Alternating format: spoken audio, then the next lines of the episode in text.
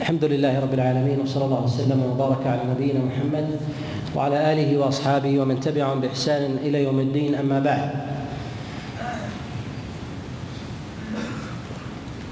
فتوقفنا بالأمس في مسائل تفسير آية الصيام عند قول الله عز وجل أياما معدودات.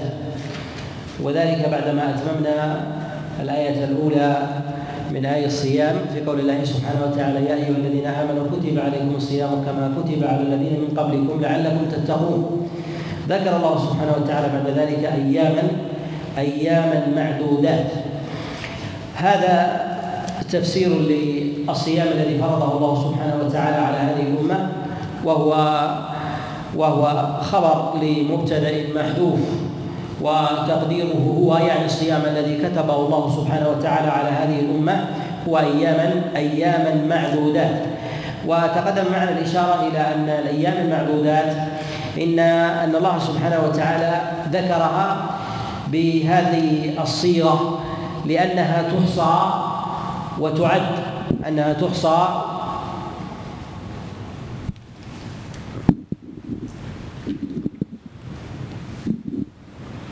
أنها تحصى وتعد وهذا مقتضى مقتضى التيسير وهذا مقتضى التيسير.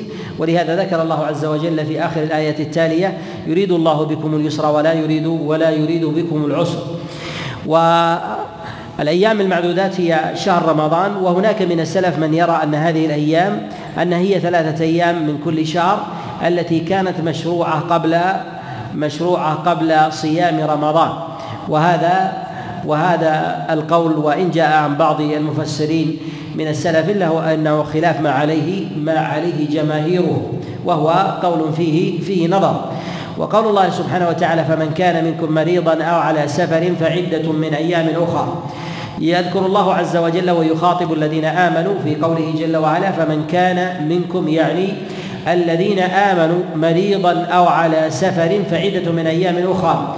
مقتضى هذا ثمة دليل خطاب في هذا أن الأصل في الصيام في حال شهود الصيام الوجوب ولهذا عذر الله عز وجل صنفين. صنف يتحقق فيه العذر في حال السفر الحضر والسفر وصنف يكون في حال السفر. وذلك أن المرض إذا وجد في الإنسان بكل حال فهو عذر مبيح له بالفطر. فمن كان منكم مريضا أو على سفر فعدة من أيام من أيام أخرى وهذا أيضا إشارة إلى رحمة من جهة العدد ورحمة أيضا من جهة من جهة العمل. أي أن الله كما جعل الصيام معدودا في أيام محصات كذلك جعله أيضا بما يطيق الإنسان. وهذا له دلالات كثيرة وأدلة تشهد له من ظواهر الأدلة العامة في كلام الله وفي كلام أيضا رسول الله صلى الله عليه وسلم كما في قول الله جل وعلا لا يكلف الله نفسا إلا إلا وسعها. فالتكليف موجود لكنه بقدر بقدر وسع الإنسان وطاقته. وكذلك أيضا في قوله فاتقوا الله ما استطعتم. يعني تتقون الله ما دام في فيما دام في قدر الوسع وكذلك أيضا الطاقة. قال فمن كان منكم مريضا أو على سفر فعدة من أيام من أيام أخرى. ذكر الله صنفين من أهل الأعذار مع أن أهل الأعذار أوسع من ذلك فذكر المرض وذكر السفر. وخص الله المرض والسفر بكونها أكثر الأشياء التي التي يتلبس بها الإنسان أو تتلبس به. وقدم الله عز وجل المرض على السفر لأن المرض أكثر اعتراضا لأن المرض أكثر اعتراضا على الإنسان. وكذلك أيضا فإن المرض يأتي الإنسان بغير اختياره. وأما السفر فيختاره الإنسان فيختاره الإنسان. فقدم الله عز وجل المرض على السفر فمن كان منكم مريضا أو على سفر فعدة من أيام من أيام أخرى. ثم أيضا إن المشقة وهذا سبب ثالث في تقديم المرض على السفر أن المرض يعجز معه الإنسان غالبا على الصيام يعجز الإنسان معه غالبا على على الصيام. بخلاف السفر فإنه يستطيع فإن الإنسان يستطيع ولكن الله عز وجل جعل ذلك جعل ذلك رخصة. جعل الله عز وجل السفر رخصة للإنسان تعذره في عدم في عدم الصيام. والمراد بالمرض هو المرض الذي يعجز معه الإنسان عن الصيام يعجز معه الإنسان عن عن الصيام. فإذا عجز الإنسان عن الصيام مع المرض رخص له بالفطر رخص له بالفطر. والمرض الذي يعتري الإنسان إما مرض يزول يزول ويرتفع وإما مرض لا يزول ولا يرتفع. وذلك الذي يزول ويرتفع فهو على نوعين. مرض يستطيع معه معه الصيام وذلك كالأمراض العارضة أو اليسيرة التي تعتري الإنسان فهذا لا اعتبار بها. لا اعتبار بها إذا كان الإنسان يستطيع الصيام يستطيع الصيام فحينئذ لا اعتبار به. وذلك الجراحات التي لا صلة لها بقوام بدن الإنسان. كالجراحة التي تلحق في صبع الإنسان أو في ظفره أو مثلا في الصداع الذي لا أثر له بطعام الإنسان وشرابه فهذا لا يعذر الإنسان في عدم في عدم الصيام. والمرض الذي يعجز معه الإنسان عن الصيام أو يقدر ولكنه يؤثر على يؤثر على قوامه إما يؤخر برء المرض إما يؤخر برء المرض أو يهلك الإنسان أو يهلك الإنسان فهذا فهذا يرخص للإنسان وقد يجب عليه. وقد عد بعض الصحابة عليهم رضوان الله تعالى النفس الذي تموت بالصيام بسبب الصيام مع علم الإنسان بذلك أنه قاتل لنفسه قاتل لنفسه. كما جاء عن أبي هريرة عليه رضوان الله تعالى أنه رأى رجلا يتتبع ظلال النخل فسئل عنه فقال إنه صائم فقال لو مات ما صليت عليه؟ قال لو مات ما صليت عليه اشار إلى أنه قد تسبب بقتل بقتل نفسه. والمرض الذي لا يرجى لا يرجى برؤه أو عادة لا يرفع وذلك كالهرم. فالهرم ضعف ملازم للإنسان ضعف ملازم. نعم فالهرم ضعف ملازم للإنسان.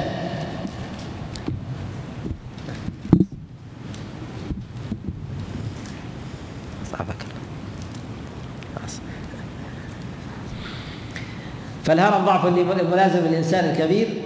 فلا يرتفع فلا يرتفع. كذلك أيضا يلحق في هذا الأمراض التي اعتاد البشر على على أنها لا ترفع كالأمراض المستعصية التي تلحق الإنسان مثلا بالسرطانات أو غير ذلك التي تلحق الإنسان ويعجز معها الانسان عن الصيام حينئذ يقال بأن الإنسان يفطر ويطعم عن كل يوم عن كل يوم مسكينا.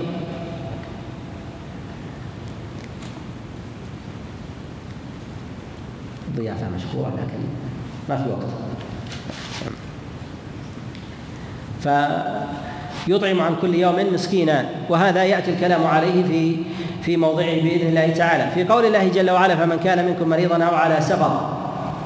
ذكر الله عز وجل السفر وهو السفر الذي يترخص به الإنسان لقصر الصلاة وكذلك أيضا للفطر. وهذا وهذا محل اتفاق فليس كل إسفار يسفر به الإنسان من البنيان يجوز معه الفطر ويجوز معه القصر واختلف العلماء عليهم رحمة الله تعالى في السفر الذي يرخص للإنسان للإنسان أن يفطر وأن يقصر به به الصلاة.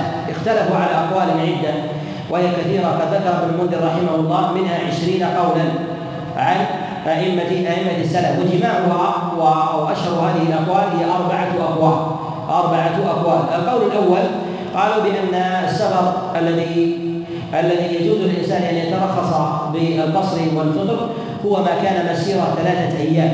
ما كان مسيرة ثلاثة أيام. وذهب إلى هذا القول غير واحد من السلف. ذهب إلى هذا عبد الله بن مسعود وأصحابه وذهب إلى هذا إبراهيم النخعي وسعيد بن جبير وهو قول أبي حنيفة وغيرهم. واستدلوا بذلك بما جاء في حديث عبد الله بن عمر في الصحيح أن النبي صلى الله عليه وسلم قال لا يحل لامرأة أن تسافر مسيرة ثلاثة ثلاثة أيام إلا مع ذي محرم. قالوا فالنبي صلى الله عليه وسلم نهى المرأة أن تسافر هذه المدة وهذا هو السفر فإذا كان دون ذلك فإذا كان دون دون ذلك دل على أنه يرخص لها وليس بسفر وأخذوا بدلالة بدلالة المفهوم واستدلوا أيضا بما جاء عن النبي عليه الصلاة والسلام أنه رخص للمسافر أن يمسح ثلاثة أيام بلياليهن وذلك بمسحه على على الخفين. ولكن نقول إن هذا الاستدلال استدلال فيه نظر أما الدليل الأول في قوله أن النبي عليه الصلاة والسلام قال لا يحل لامرأة أن تسافر مسيرة ثلاثة أيام إلا إلا مع ذي محرم نقول يخالفه الاحاديث في هذا الباب. وذلك مثلا في حديث أبي هريرة وهو في الصحيح في الصحيحين النبي عليه الصلاة والسلام قال لا تسافر المرأة مسيرة يوم وليلة إلا ذي محرم وجاء في رواية مسيرة ليلة إلا ذي محرم وجاء أيضا عند أبي داود في كتابه في كتابه السنن من حديث سهيل بن أبي صالح عن المقبري عن أبي هريرة أنه قال لا يحل لامرأة أن تسافر بردا إلا إلا مع بريدا إلا مع ذي محرم. وهذا وهذا أيضا ينقض ذلك وذلك أنه جعل السفر مسيره الليلة ومسيرة اليوم والليلة. فضلا عن مسيرة اليومين وقد جاء حديث اليومين من حديث أبي سعيد الخدري وهو الصحيح. أن النبي صلى الله عليه وسلم قال لا يحل لامرأة أن تسافر مسيرة يومين مسيرة يومين إلا إلا مع ذي بحرة فهذا إنما ذكر مثالا أو خطب به أحد بعينه يريد يريد أن يسافر مسيرة ثلاثة أيام فتوجه إليه الدليل. فتوجه إليه الدليل وليس المراد بذلك التقييد. ويؤيد هذا ويعرضه أن أنه يلزم من هذا القول كما ينفى الأقل أن ينفى الأكثر مسيرة ثلاثة أيام إذا مسيرة أربعة. ففي قوله رخص رسول الله صلى الله عليه وسلم للمسافر أن أن يمسح ثلاثة أيام بلياليهن. فعلى هذا الذي يسافر أربعة أيام لا يمسح. أو خمسة أيام. أو لا يعد مسافرا. بل نقول إنه يعد يعد مسافرا. يعد مسافرا فهذا يعني تعارضه الأحاديث كحديث أبي هريرة وكذلك حديث عبد الله بن عمر.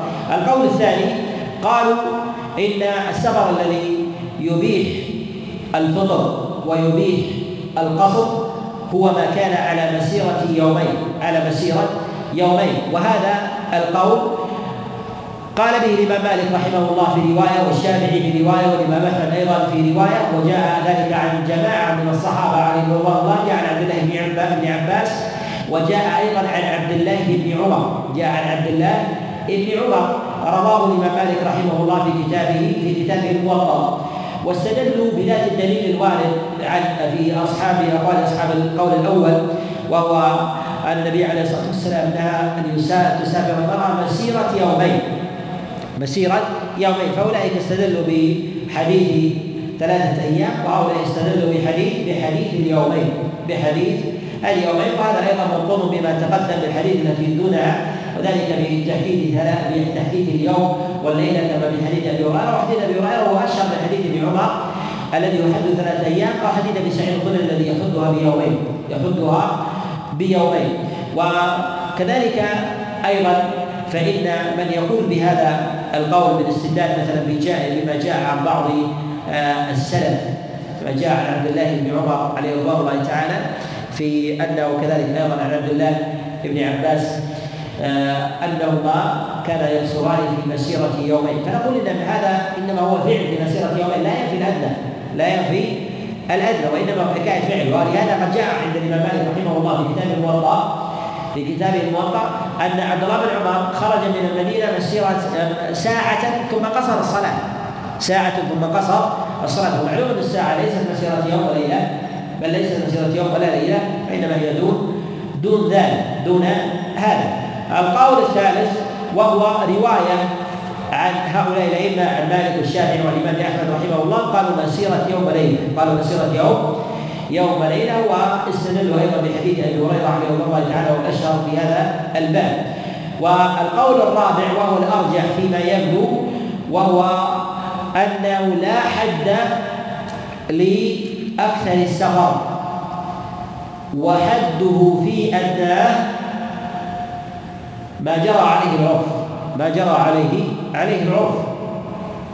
فما يسمى سرق فهو سرق وهذا القول مروي عن عبد الله بن عمر ومروي عن عبد الله بن عباس ورواية عن الإمام أحمد رحمه الله. وقال به سعيد المسيب قال به سعيد سعيد بن المسيب وهذا يعضده أيضا أحاديث الأحاديث التي تقدم ذكرها. وذلك أن هذه الأحاديث ثابتة صحيحة ومنها ما هو مشهور مستفيد إما أن تكون متعارضة متضادة وإما أن يكون لجميعها مفهوم ومفهومها أن كل واحد منها يدل على أنه سبق. فثلاثة أيام سبق واليومين سبق واليوم سبق والليلة سبق واليوم مجردا سفر فهذه أسفار ولكن الخلاف في الأدنى الخلاف في الحد في الحد الأدنى. إذا فالمروي عن السلف عليه رحمة الله تعالى في هذا دليل على أن أنهم قصروا أو أفطروا في مثل هذه الأحوال وأنها أسفار فكل قد روي عنه قول وحكاية على حال تلبس بها أو أفتى غيره أو أفتى غيره فلا تعارض غيرها فلا تعارض غيرها. ولهذا قد روى ابن ابي شيبة في كتابه المصنف آه، أن عبد الله بن مسعود عليه رضوان الله تعالى ركب مسيرة أربع فراسخ. ثم صلى الظهر ركعتين والعصر والعصر ركعتين. وكذلك أيضا قد جاء عن سعيد بن المسيب آه، كما روى أبن أبي شيبة أيضا في كتاب المصنف من حديث عبد الرحمن بن حرمله أنه سأل سعيد بن المسيب في الرجل يخرج بريدا؟ يخرج بريدا يكثر الصلاة؟ قال نعم. قال نعم. وهذا يدل آه، على أن الأمر مرده بذلك إلى العرف. ولهذا نقول إن كلام السلف عليه رحمة الله في مجموعه لا يتعارض. ومن تعارض لفظه فقد روي عنه قول يفسر ذلك القول الذي جاء عنه. ربما بعض الرواة من التابعين الذين يروون عن بعض الصحابة رووا بعض الأحاديث على التقييد وهي جاءت على حكاية حال وهي جاءت على حكاية حال فإذا سئل الإنسان مثلا نسافر مسيرة يوم وليلة نحن مسافرون فيقول نحن نحن مسافرون. ولكن هذا القول ليس تقييد وإنما تجويز لهذا الفعل. لا ينفي ما دونه لا ينفي ما دونه وهذا القول هو الذي رجحه جماعة من العلماء كابن قدامة رحمه الله وكذلك ابن تيمية. فابن قدامة رحمه الله جرى على خلاف المشهور والظاهر من المذهب من مذهب الإمام أحمد وذلك لما يوافق لما يوافق الأدلة. وهذا وهو الأظهر من تفسير أقوال عبد الله بن عباس وعبد الله بن عمر وعبد الله بن مسعود وكذلك أيضا فقيه وإمام أهل المدينة بالفقه في زمانه السعيد ابن المسيب عليه عليه رحمة الله. فمن سافر سفرا يطلق عليه السفر ويتزود لمثله عادة لو سافر الإنسان فإنه فإنه يعد يعد مسافر. فإنه يعد يعد مسافر وهذا يختلف من بلد إلى من بلد إلى بلد. وإنما سمي السفر سفرا لأن الإنسان يخرج من من بلده ويبرز والبروز يسمى إسفار كما يسمى إسفار هذه إسفارا وذلك لبروز الأشياء فيه وظهورها. كذلك الإنسان يبرز من البنيان حتى يظهر ولو كان مسافرا ليلا لا يرى. فيقال سافر سافر فلان يعني أنه برز من بالحيطان والبساتين والجدران إلى أن برز إلى إلى الخلاء والفلاة فسمي مسفرا بفعله هذا مسفرا بفعل هذا فيسمى مسافر ويسمى فعله ذلك سفر يسمى فعله ذلك سفر فقوله سبحانه وتعالى فمن كان منكم مريضا أو على سفر فعدة من أيام أخرى فعدة من أيام من أيام أخرى. هنا في قوله سبحانه وتعالى فعدة من أيام أخرى في هذا دلالة على عدم وجوب التتابع بالقضاء على عدم وجوب التتابع التتابع في القضاء. ولهذا ذكر العدة يعني العدد. وما ذكر التتابع وما ذكر التتابع يعني الذي يجب على الإنسان أن يقضي عدد ما فاته من رمضان. عدد ما فاته من رمضان. وفي قوله هذا فعدة من أيام أخرى. مع ذكر أهل الأعذار فمن كان منكم مريضا أو على سفر فعدة من أيام أخرى أخذ به بعض أخذ منه بعض العلماء أن من ترك الصيام متعمدا فأفطر في نهار رمضان من غير عذر وهو عالم بالصيام أنه لا يجب عليه القضاء فإثمه أعظم من أن يقضى. فإثمه أعظم أعظم من أن يقضى. قالوا وذلك أن الله عز وجل جعل القضاء لأهل الأعذار لا لأهل العلم فقال فمن كان منكم مريضا أو على سفر فعدة من أيام أخرى وتعقب هذا القول بأن الله سبحانه وتعالى ذكر ما يليق بأهل الإيمان والذي يليق بهم أنهم لا يدعون الصيام إلا بعذر من مرض أو سفر من مرض أو أو سفر. قالوا ويدخل في ذلك ويدخل في ذلك غيرها ويدخل في ذلك غيرها من من من أسباب الطرق آه، من العمد أو النسيان الذي نسى اليوم كله نسى الإنسان اليوم كله أنه من رمضان وظن أنه لم يدخل يقضي ذلك ذلك اليوم. فهذا ليس لصاحب رخصه فافطر برخصه متعمد ولا أيضا متعمد فاكل من غير عذر وهو عالم وإنما هو وهو ناسي بهذا بأن هذا اليوم من رمضان. أو جاهل جاهل به فيجب عليه أن يقضيه كالذي يعلم بدخول رمضان من اليوم الثاني أو من اليوم أو من اليوم الثاني أو من اليوم الثاني أو بغير هذه الاعذار ممن منعه الله عز وجل من الصيام وجوبا كالحائض والنفساء فإنه يحرم عليها أن تصوم ويجب عليها أن تقضي ويجب عليها أن تقضي فصيامها حرام وقضاؤها واجب. قضاؤها واجب. اختلف العلماء عليهم رحمة الله في وجوب القضاء على على المتعمد الذي تعمد من غير عذر الفطر في رمضان. فذهب جمهور العلماء وقال الأئمة الأربعة وحكي الاتفاق على وجوب القضاء وأن العامل في ذلك كالمعلوم. العامل في ذلك كالمعلوم إلا أن العامل آثم يجب أن يقرن قضاءه بتوبة. وتعرض لأسباب المغفرة من الصدقة وغير ذلك من الدعاء. وقالوا لا فرق بين المتعبد وغيره. القول الثاني قالوا بأن المتعبد الذي أفطر لا دليل على قضائه وأن القضاء إنما هو للمعذور إنما هو للمعذور. وهذا ذهب إليه جماعة ذهب إليه جماعة من من العلماء ومنهم ابن خزيمة رحمه الله وكذلك ابن تيمية وابن رجب. قالوا بأنه لا يجب على المتعمد القضاء لا يجب على المتعمد القضاء. وهذا القول اضطردوا فيه حتى في تارك الصلاة. حتى في تارك في تارك الصلاة.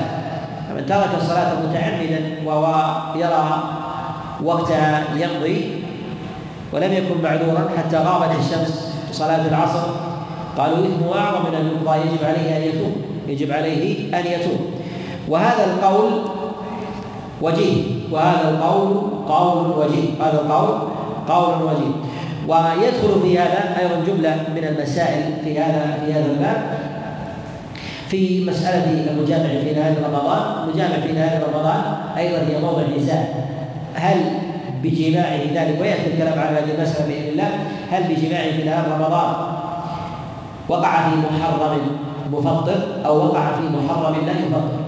وقع في محرم لا لا يفطر فحرم عليه بذاته فهل هو كالأكل والشرب أم؟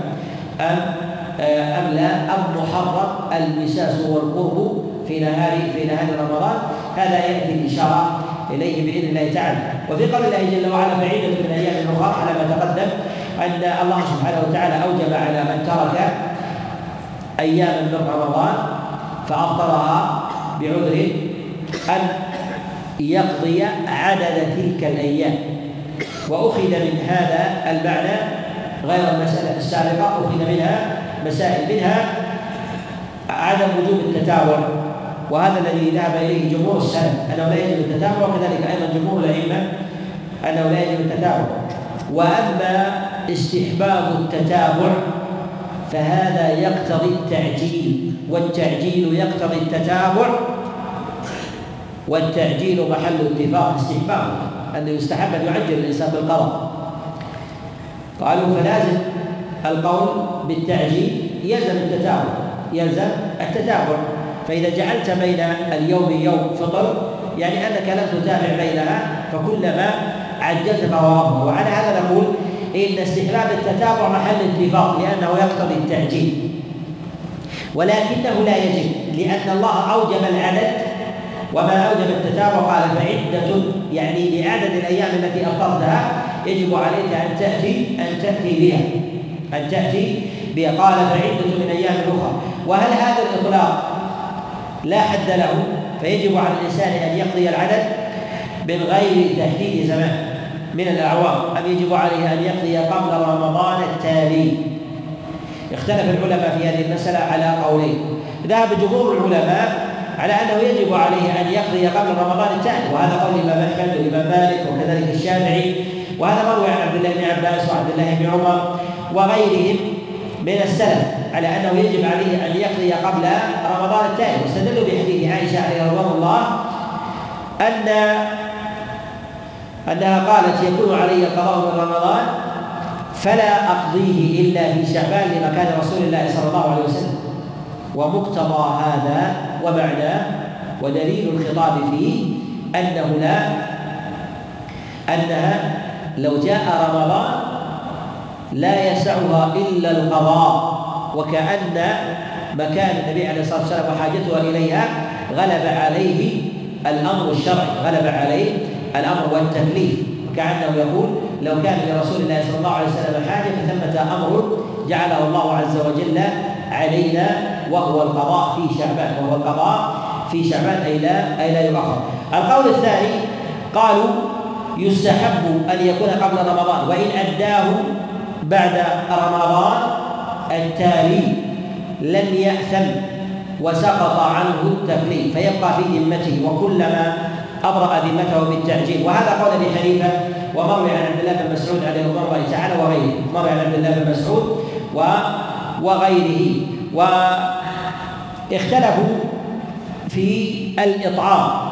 لمن أخر القضاء بعد رمضان التالي فجمهور العلماء على إيجاب القضاء على إيجاب الإطعام مع القضاء. وذهب ابن مسعود قال ابي حنيفه رحمه الله إلى أنه لا يجب عليه الإطعام مع القضاء. وهذا هو الأظهر. وهذا هو الأظهر. فقول عبد الله بن مسعود هو أولى بالصواب أنه لا يجب عليه الإطعام مع القضاء وإلا يبقى في ذمته. فعلى القول بالتحريم أنه ينهى عن تأخير القضاء ما بعد رمضان التالي نقول يأثم ويجب عليه التوبة أما الإطعام فهو حكم مستقل. حكم مستقل والتكليف كالقضاء يفتقر إلى دليل. يفتقر إلى إلى دليل ولا دليل يؤمر به بالإنسان ذلك أما أما حثه على الصدقة وسؤال الله عز وجل العفو والرحمة والإكثار من الاستغفار والعبادات والإكثار منها حتى يعفو الله عز وجل عنه. في ذلك لمن قال بالتحريم فهذا باب فهذا باب آخر. فهذا باب ومسألة ومسألة أخرى. وقوله سبحانه وتعالى هنا أيضا من هذه المسائل في قوله فعدة من أيام من أيام أخرى أن الله سبحانه وتعالى أمر الإنسان بالإتيان بهذه الأيام على السعة متقدمة أو متأخرة فالتأخر في ذلك فالتأخر في هذا لا حرج فيه والتفكير في ذلك هو الأفضل.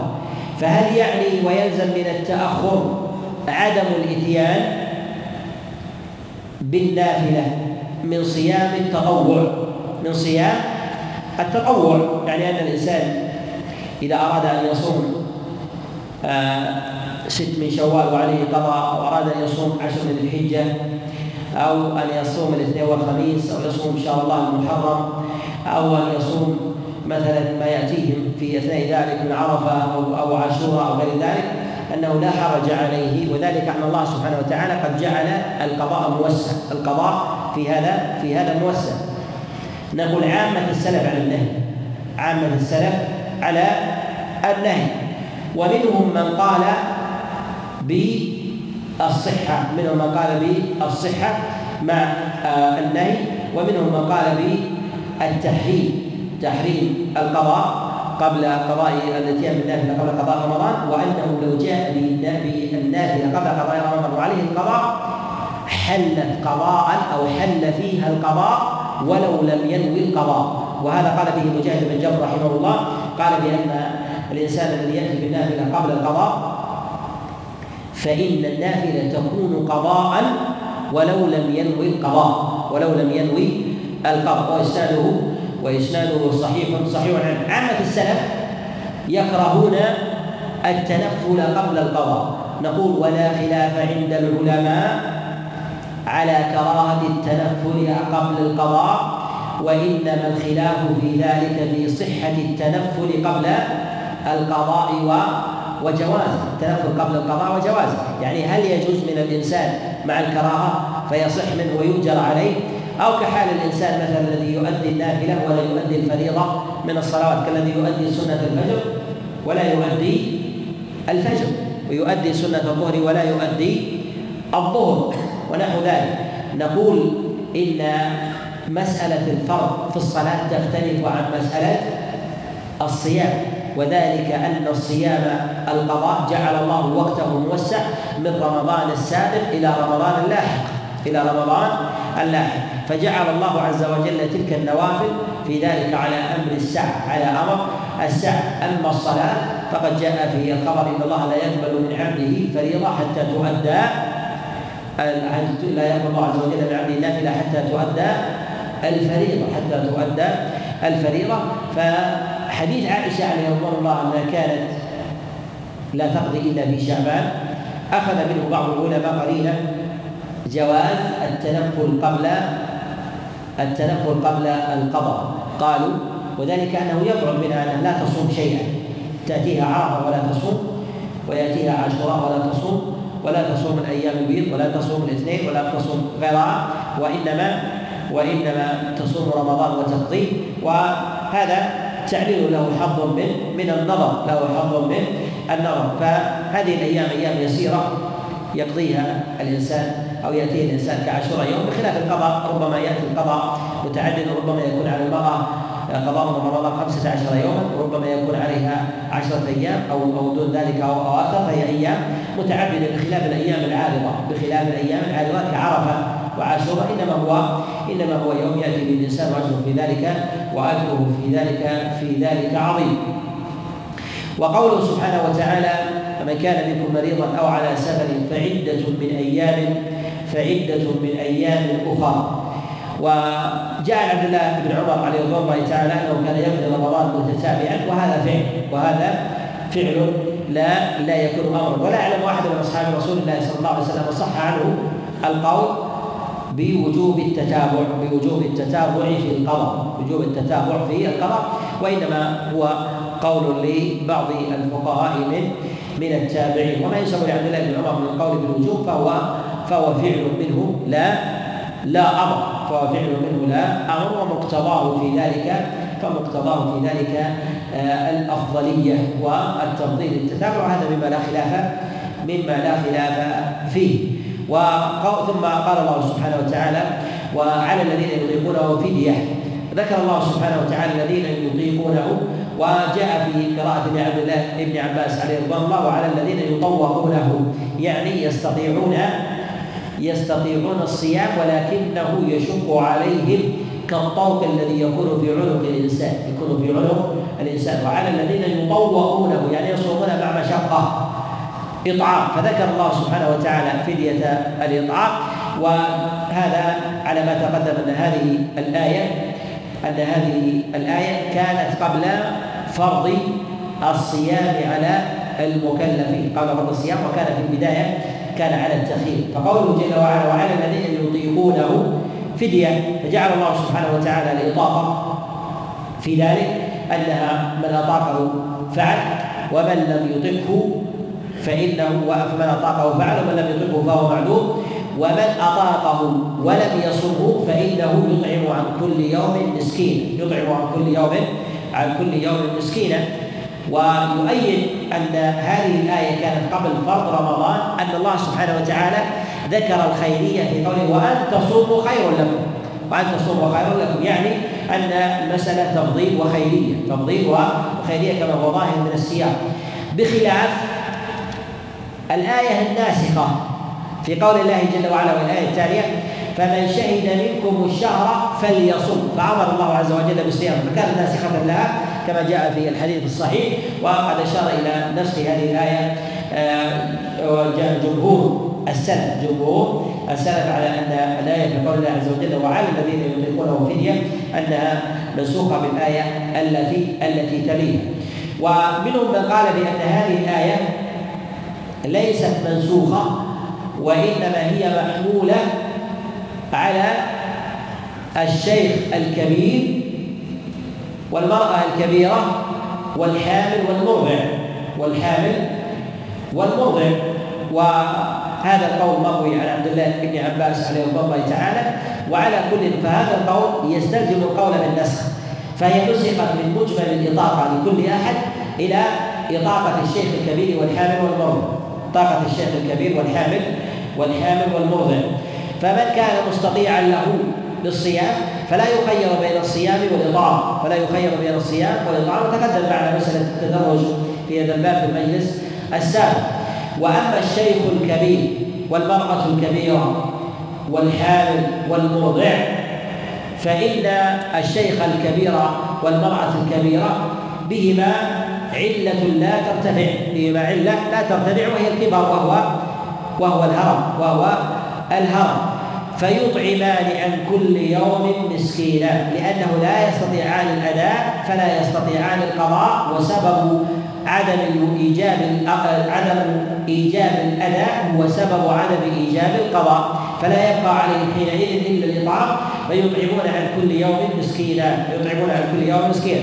سواء كان الإطعام منه في أول الشهر مرة واحدة أو في آخره وكل ذلك جائز. وكل ذلك جائز. وقد جاء عن أنس بن مالك عليه الله أنه أخرج عن ثلاثين يوما مرة واحدة. هذا أخرج عن ثلاثين يوما مرة واحدة ويطعم في ذلك للفقير والمسكين. للفقير والمسكين. والإطعام في ذلك. هل هو مقدر أو مطلق بما يشبع الفقير. فهنا يقول الله سبحانه وتعالى وعلى الذين يطيقونه فدية. فذكر الله سبحانه وتعالى الفدية بالإطلاق. ولم يثبت عن رسول الله صلى الله عليه وسلم في خبر أنه قدر الفدية والإطعام في الكفارة الإطعام في كفارة في كفارة العذر في في رمضان. وظواهر النصوص تدل على أن المراد بالإطعام هو الإشباع هو الإشباع أن يطعم المسكين طعاما يشبعه. ولهذا يفرقون بين بين بين نفيس الطعام وبين وبين غيره بين نفيس الطعام وبين غيره. فإذا كان من النفيس فإنه يجزي في ذلك المد وإذا كان من من دون من دون ذلك فإنه يجزي في هذا نصف الصاع. نصف الصاع. وهل يقال بأن نصف الصاع لا يجزي إذا عرف أنه لا يكفي أو لفقير عرف أنه لا يكفي بعينه فيقال نعم لا يجزي لأن المقصود من ذلك هو إشباعه أن المقصود بهذا إشباعه ويؤيد هذا ويؤكد أن الله سبحانه وتعالى يجعل بدل الإطعام الكسوة. وليس المراد بها بإطلاق وإنما ما يكسو الإنسان. ويفرق بين الطويل والقصير بين الطويل والقصير. ويفرق بين الألبسة. فليس من اللباس العمامة لأنها لا تكسو الإنسان لا تكسو الإنسان. ولا الخف لأنها لا تستر الإنسان.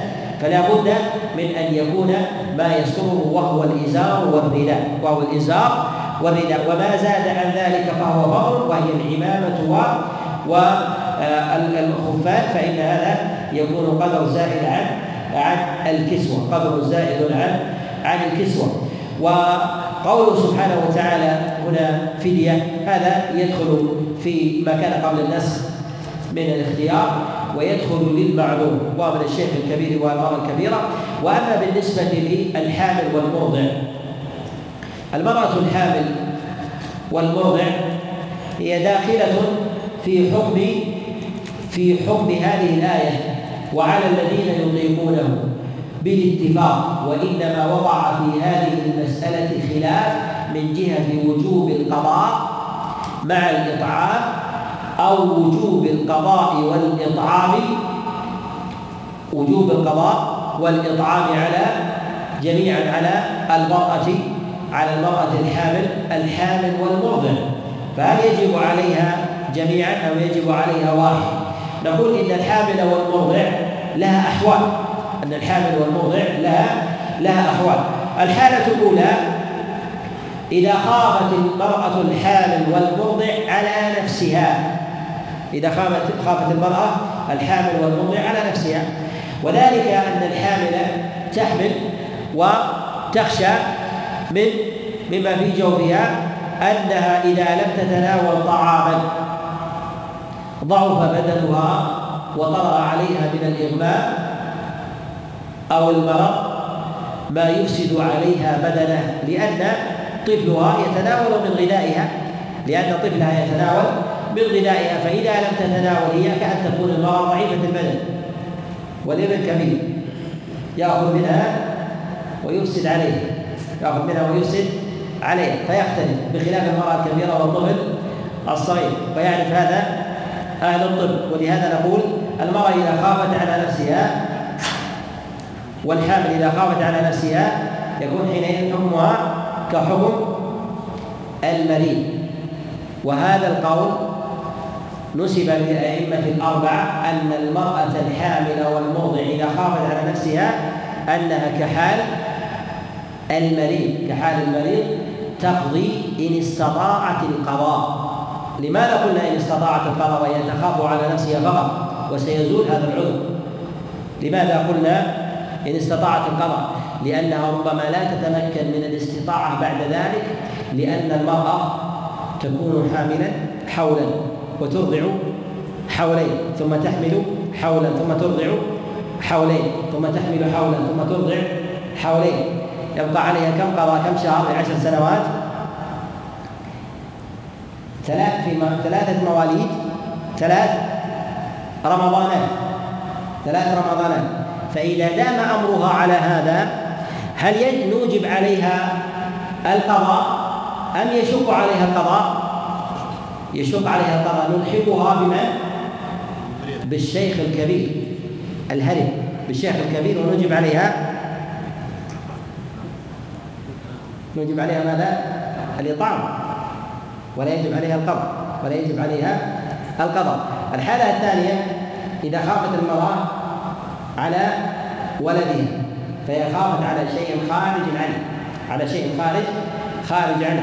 فهذا قد وقع في هذه المسألة خلاف. وقع في المسألة خلاف. من العلماء من أوجب عليها القضاء والإطعام ومنهم من أوجب عليها القضاء بلا إطعام ومنهم من أوجب عليها الإطعام بلا قضاء بلا قضاء والسبب في ذلك هو دخولها في هذه الآية من عدم واشتراكها في حكم الشيخ الكبير وصفه. في حكم الشيخ الكبير وصفه أتدخل في حكم أم؟ أم لا؟ هذا من مواضع الخلاف عند عند العلماء. ولكن ما كان في الحالة الأولى هو ظاهر الرجحان. ظاهر الرجحان أن المرأة تكون على على حالين. إذا استدامت المرأة حملا ورضاعا بالشيخ الكبير الذي يجب عليها الإطعام. بقول الله سبحانه وتعالى وعلى الذين يطيقونه فدية. الفدية في هذا من الطعام. بجميع أصنافه سواء كان ذلك من الحنطة أو كان ذلك من الدقيق أو كان ذلك من من غيره من الأرز مما يأكله الناس من قوته. أو كان من الذرة إذا كان قوت الناس الذرة.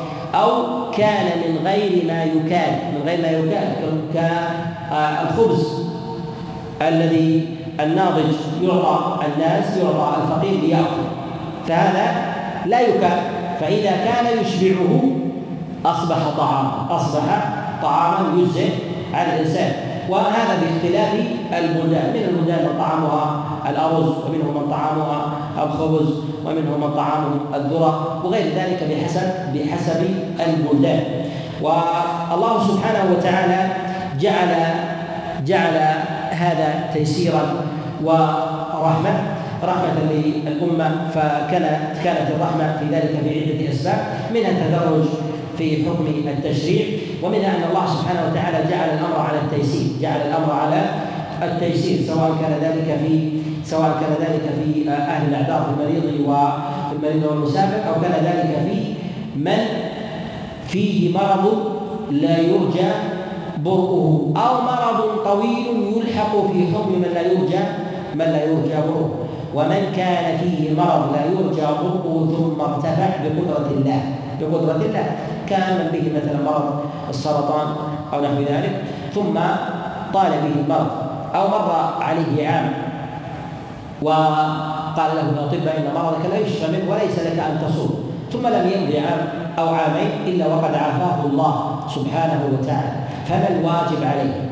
نقول الواجب عليه ابتداء حال علمه بأنه مرض لا يرجى بره الواجب عليه ماذا؟ الإطعام الواجب عليه الإطعام لكن لو أنه لو أنه لم يطعم يعني أنه علم أن هذا المرض لا يرجى بره ثم أخذ عاما وعامين وبقي كان عليه شهر وشهرين لكنه ما أطعم ثم شفي ثم شفي نوجب عليه القضاء إلا إذا كان قد أطعم. إذا كان قد أطعم فإنه سقط سقط عنه بموجب شرعي. بموجب شرعي. وهذا نظير ماذا؟ هذا نظير الشخص الذي يأتي مسافر ثم يدخل وقت الصلاة ولم يدخل يصل إلى البلد. فصلى ثم دخل البلد. أداها ولكن لو أخرها وجبت عليه وجبت عليه تامة حال الإقامة لهذا إن أداها سقطت عنه بموجب شرعي وإذا لم يؤديها حتى آه، حتى آه، وجب عليه القضاء فيوجب فنوجب عليه القضاء. إلا إذا لحق بالصورة السابقة كحال المرضى المرأة التي تحمل وترضع أعواما متعددة. فهذا نقول في ماذا؟ المسافر في حال سواء كان ذلك مسافرا أو كان ذلك به مرض كالذي يلحق مثلا مرض السرطان عشر سنوات. أو 15 سنة. ثم شفي هل نقول أطعمت أو لم تطعم؟ أو أن مرضك شابه الذين لا يرجى برهم الذين لا يرجى برهم نقول شابه الذين لا يرجى برهم لأن الله سبحانه وتعالى إنما جعل الحامل والمرضع كما ظهر في فتاوى جمع من الصحابة كعبد الله بن عباس وعبد الله بن عمر كحال كحال الشيخ الكبير. لماذا؟ لأنه يطول به الأمر. كذلك الذي به مرض طويل مثلا بقي عشر سنوات. ولكنه لم يقضي ولم يطعم. نقول أطعم لأنه يشق عليك أن تصوم وتقضي عشر رمضانات. فهذا فيه فيه كلفة. فهذا فيه كلفة. وقول الله سبحانه وتعالى وأن تصوموا خير لكم. أي هذا فيه إشارة إلى أن هذه الآية منسوخة. أن هذه الآية منسوخة وأنها نزلت ابتداء. وأن الله عز وجل خير فيها فيها الناس. خير الله عز وجل فيها الناس. وأن تصوموا خير لكم. وهذه الخيرية في ذلك لو يعني أن الصيام أفضل من الإطعام ثم ربط الله سبحانه وتعالى ذلك بالعلم. كنتم تعلمون يعني تعلمون ما عند الله عز وجل مما خبأه للصائمين ما خبأه للصائمين أخذ بعض العلماء من هذا قليلا فضل الصيام على الإطعام فضل الصيام على الإطعام. ففضل عبادة الصيام أفضل من الإطعام على على قول على قول ولكن الذي يظهر الله أعلم أن الصيام أفضل أن الإطعام أفضل من الصيام. أن الإطعام أفضل من الصيام. لماذا؟ لأن الإطعام من جنس الزكاة. من جنس الزكاة والزكاة أفضل من الصيام. ففريضة الزكاة أفضل من فريضة الصيام. وفريضة وفريضة ونافلة الزكاة أفضل من نافلة الصيام أفضل من نافلة الصيام. وهنا حينما جعل الله سبحانه وتعالى ما كان من جنس من جنس الفاضل جعله بدلا عن المفضول فجعل الله سبحانه وتعالى الإطعام بدلا عن الصيام بدلا عن الصيام. نقول لأن الصيام فرض. لأن الصيام الصيام فرض. صيام رمضان فرض على الإنسان فرض على الإنسان فجعل الله عز وجل بدله ما ليس فرضا ما ليس فرضا ولكن أي ليس زكاة تسقط بها الزكاة ولكن جعله الله سبحانه وتعالى مسقطا لذلك لذلك الواجب وهو تكليف الصيام. وأما في مسألة التفاضل بين الصيام والإطعام حينما جعل الله عز وجل التخيير بين أن يصوم وبين أن يطعم والأفضل في ذلك والأفضل في ذلك الصيام. نقول هذا لعلة لأن هذا توطئة لركنية الصيام. وهذا توطئة لركنية الصيام ففرض الله سبحانه وتعالى الصيام وجعله ركنا من اركان من أركان الإسلام. وأبقى الله عز وجل الإطعام في ذلك لمن كان معذورا على ما تقدم على ما تقدم تفصيله. ثم قال الله سبحانه وتعالى شهر رمضان الذي أنزل فيه القرآن. هذه الآية الثالثة من آيات الصيام شهر رمضان الذي أنزل فيه القرآن. وشهر رمضان هنا خبر مبتدا محذوف نعم. تطوع خير. في قول الله سبحانه وتعالى ومن تطوع خيرا فهو خير له. ذكر الله عز وجل التطوع بعدما ذكر الصيام.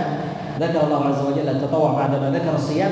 يعني كلما أكثر الإنسان الصيام فإنه خير له عند الله سبحانه وتعالى. هذا أيضا قرينه على على أن على فضل الصيام. فمن تطوع خيرا يعني مما جعله الله سبحانه وتعالى له سواء كان ذلك من الصيام أو كان ذلك من الاطعام فالفضل في ذلك هذه الآية دليل على فضل نافلة الصيام ودليل كذلك على فضل نافلة الإطعام. فضل نافلة الإطعام. فالإنسان الذي يجب عليه أن يطعم بدلا عن الصيام إطعاما يشبع به الفقير. فلو زاد الفقير فلو زاد الفقير صاعا آخر أو زاده ما يشبعه لليلتين وثلاث فهذا هو المقصود في قول الله سبحانه وتعالى فمن تطوع خيرا يعني زاد في الإطعام. ويدخل في ذلك أيضا في هذه الدلالة التطوع أيضا حتى في مسألة الصيام أن يكثر الإنسان من التنفل فيه في قول الله سبحانه وتعالى شهر رمضان الذي أنزل فيه أنزل فيه القرآن هذا خبر مبتدأ محذوف تقديره هي يعني الأيام المعدودات أياما معدودات ما هي هذه الأيام المعدودات؟ هي متسعة، هل هي في محرم؟ هل هي في صبر؟ هل هي في شوال؟ هل هي في رجب؟